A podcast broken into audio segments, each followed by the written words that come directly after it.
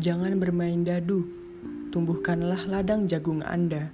Bergembiralah dengan kelimpahan hasil ladang itu. Hargai hal itu.